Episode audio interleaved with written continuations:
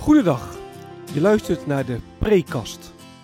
Een podcast over de preek die ik afgelopen zondag gehouden heb in de Maranatenkerk in Bunschoten, Spakenburg. Fijn dat je luistert. Mijn naam is Gertjan van Harten. Wat kun je verwachten van deze podcast? De Preekkast bestaat uit vier onderdelen. Ik begin met een korte introductie van de tekst waarover ik gepreekt heb. Vervolgens geef ik een korte samenvatting van de preek zelf. En met korte samenvatting bedoel ik ook echt kort. Tijdens mijn opleiding heb ik geleerd dat preken schrappen is. Niet alles wat je in de voorbereiding gevonden en bedacht hebt, kan terugkomen in de preek. Wat heb ik laten liggen wat het overdenken wellicht waard is? Daar wil ik het over hebben in het derde deel van de preekkast. En tenslotte sluit de preekkast af met een aantal verwerkingsvragen. Vragen die je kunnen helpen om de preek te overdenken en of toe te passen. Ik wens je veel luisterplezier.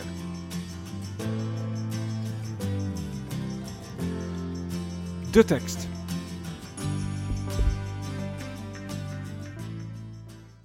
De tekst van de preek was Jacobus 5, vers 8. En Jacobus 5, vers 1 tot en met 11 is het gedeelte dat we in de kerk hebben gelezen. En in de eerste zes versen van Jacobus 5 richt Jacobus zich tot de rijken. Hij is heel scherp, hij zegt ze het oordeel aan. Hij zegt, jullie rijke landeigenaren, jullie hebben de arbeiders uitgebuit. Jullie uh, hebben in wilde gebaat, jullie hebben losbandig geleefd, terwijl je niet omgekeken hebt naar de arme arbeiders. Hij zegt dan zelfs in vers 6, jullie hebben de rechtvaardigen veroordeeld en vermoord. Dan gaat Jacobus in vers 7 verder, zegt hij, heb geduld broeders en zusters, hè, jullie die, die lijden onder die, die verdrukking van die rijke landeigenaren. Heb geduld. En denk aan een boer, een boer blijft ook altijd geduldig wachten op de opbrengsten van zijn land. En dan zegt de tekst vers 8, wees net zo geduldig als die boer en houd moed, want de Heer zal spoedig komen. En zegt Jacobus ook nog, je moet een voorbeeld nemen aan de profeten en een Job. Ja, ze hebben ook heel veel uh, te lijden gekregen, maar ze hebben daarin uh, volhard. En ze hielden stand in alle verdrukking en in al het lijden. De preek.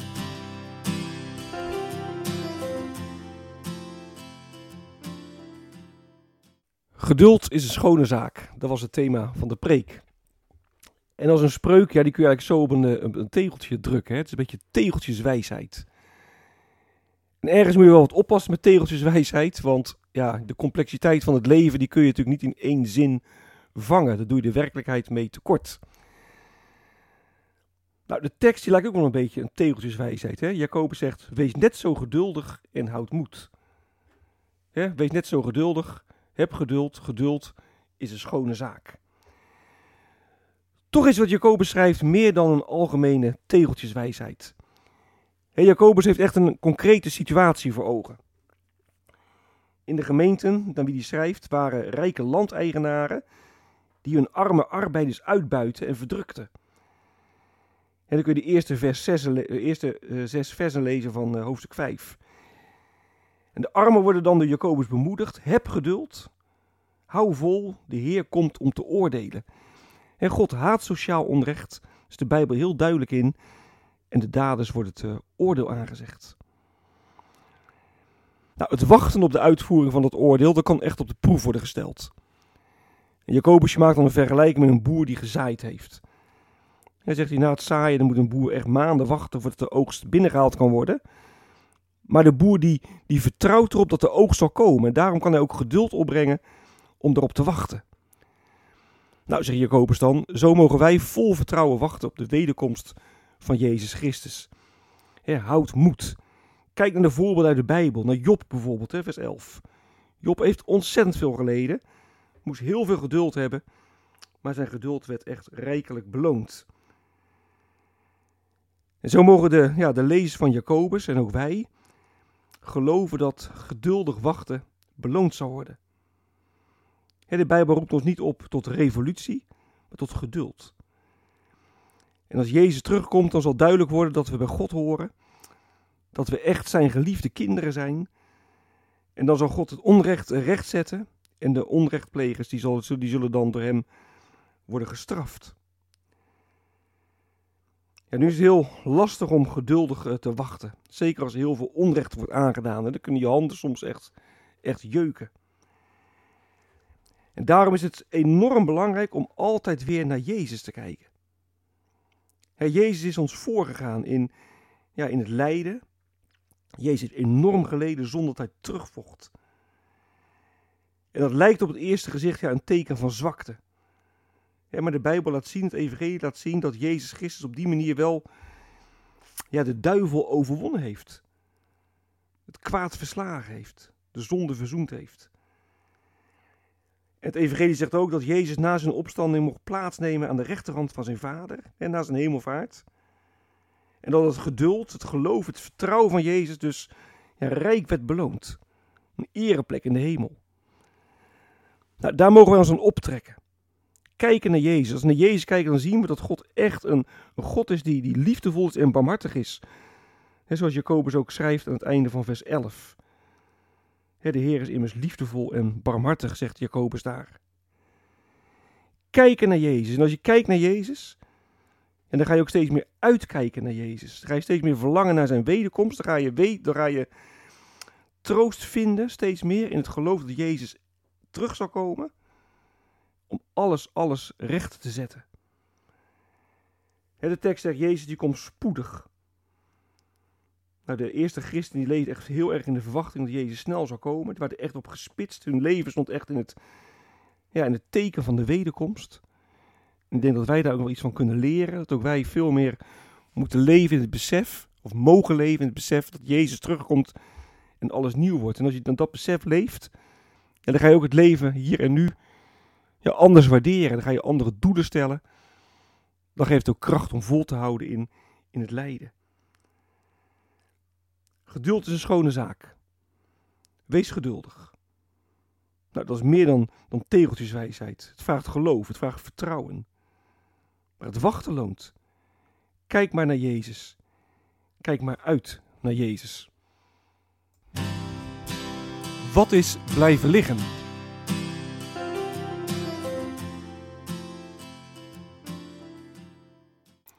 Ook nu wil ik weer een eh, drietal punten noemen die ik in de preek niet of nauwelijks behandeld heb. Maar die uh, nou, vanuit de tekst wel behandeld zouden kunnen uh, worden. Die het overdenken ook, ook wel waard zijn het eerste is dat Jacobus zegt, de Heer zal spoedig komen. En in mijn preek ben ik ervan uitgegaan dat het gaat om de wederkomst van de Heer Jezus. Dat is een tweede komst. De Heer komt om te oordelen de leven en de doden. En dan komt Gods nieuwe aarde. Gaat God alles nieuw maken. Daar doelt Jacobus je op. Tenminste, daar ben ik in de preek van uitgegaan. En ik denk ook dat dat zo is. Maar als je de commentaren leest, dan zie je dat er ook wel andere uh, uitleggingen zijn. Er zijn mensen die zeggen: nee, het gaat hier om een ingrijpen van God, waardoor de rijken veroordeeld worden. Het gaat niet om het eindoordeel, maar om een oordeel in deze geschiedenis. De geschiedenis gaat daarna ook gewoon verder. Maar God gaat die armen, die de, God gaat de rijken die die armen uitbuiten, straffen. Anderen zeggen: nee, het gaat hier om de verwoesting van Jeruzalem. De Heer zal spoedig komen, zal spoedig komen en Jeruzalem, de stad die uh, de Messias heeft uitgeleverd, die stad zal worden uh, gestraft. als in vers 6 staat, u hebt de rechtvaardige veroordeeld en vermoord. Dat gaat niet om, om rechtvaardige armen, maar het gaat daar om, om de Heer Jezus. Al dus die, uh, die uitleg. Die uitleg. hij heeft zich niet tegen u verzet. Jezus die heeft het oordeel, uh, het oordeel ondergaan, deed zijn mond niet open. En het kwaad was tot de Heer, tot de hemel doorgedrongen. En God die straft Jeruzalem. En uh, nou, dat is dan in 70 zou dat dan vervuld zijn toen de Romeinen Jeruzalem innamen. Dus als Jacobus zegt de Heer zal spoedig komen, gaat het dan om de wederkomst, zoals ik in de preek gezegd heb? Of moet je denken aan de verwoesting van Jeruzalem in 70 na Christus? Of gaat het om een oordeel van God over de, de rijken? Dat is het eerste punt. Het tweede waar ik een aandacht voor vraag, Jacobus zegt, de Heer zal spoedig komen. En ik had uh, gezegd in de preek ook dat de uh, eerste christenen echt heel erg leefden in de verwachting van een spoedige terugkomst. En dat beheerste hun leven echt helemaal. Kijk, als ik weet dat ik eh, morgen ga verhuizen, dan leef ik anders dan wanneer ik weet dat ik pas over vier jaar ga verhuizen. Wat komen gaat, dat bepaalt heel erg je doen en laten in het hier en nu.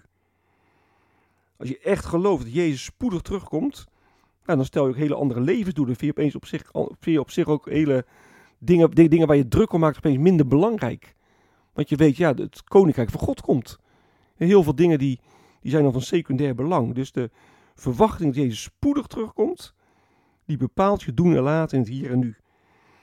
Nou, daar heb ik ook niet veel aandacht aan besteed. Dat komt omdat ik daar ehm, op 28 november, jongsleden, heb ik gepreekt over Romeinen 13. Heb ik daar wat meer uh, de aandacht op gelegd. Dat punt dat die verwachting van de komst van het koninkrijk je leven in het hier en nu bepaalt. En stempelt en stuurt. Maar ook dat zou je dus vanuit deze tekst, ja, daar zou je ook dus vanuit deze tekst ook wel meer aandacht te kunnen geven. En het laatste waar ik aandacht voor wil vragen, dat is het feit dat in de gemeenten aan wie Jacobus deze brief schreef, kennelijk rijke landeigenaren waren, die arme gemeenteleden uitbuiten. En Jacobus is er scherp op, hè? hij zegt ze echt het oordeel aan en hij zegt van het is niet goed voor jullie doen en jullie, nou straf zal wel komen als jullie niet bekeren. Maar waarom zegt Jacobus niet, deze mensen moeten uit de gemeente uitgebannen worden? dat zagen we in Korinthe wel dat in de gemeente van Korinthe Paulus heel scherp zegt: mensen die echt um, willens en wetens leven in strijd met het evangelie, die moet je uit de gemeente wegdoen. Er moet de ban over uitgesproken worden. Dat lees je hier niet. Deze mensen die zijn kennelijk gewoon lid van de gemeente, mogen het kennelijk ook blijven. Waarom lezen we hier niks over uh, tucht? Ik heb daar in de commentaren verder niks over kunnen vinden. Maar het is wel iets wat me uh, ja, wel verbaast. Of iets, iets wat me ook wel wat bezighoudt. De, eigenlijk alle commentaren die ik lees, die, die gaan er wel van uit dat die mensen die in de eerste zes versen aangesproken wa uh, worden, die rijke landeigenaren, dat het mensen waren die ja, in verbinding met de gemeente stonden, die onderdeel waren van de gemeente. En toch worden ze er niet uitgezet. Hoe, hoe kan dat? Hoe zit dat? Verwerkingsvragen.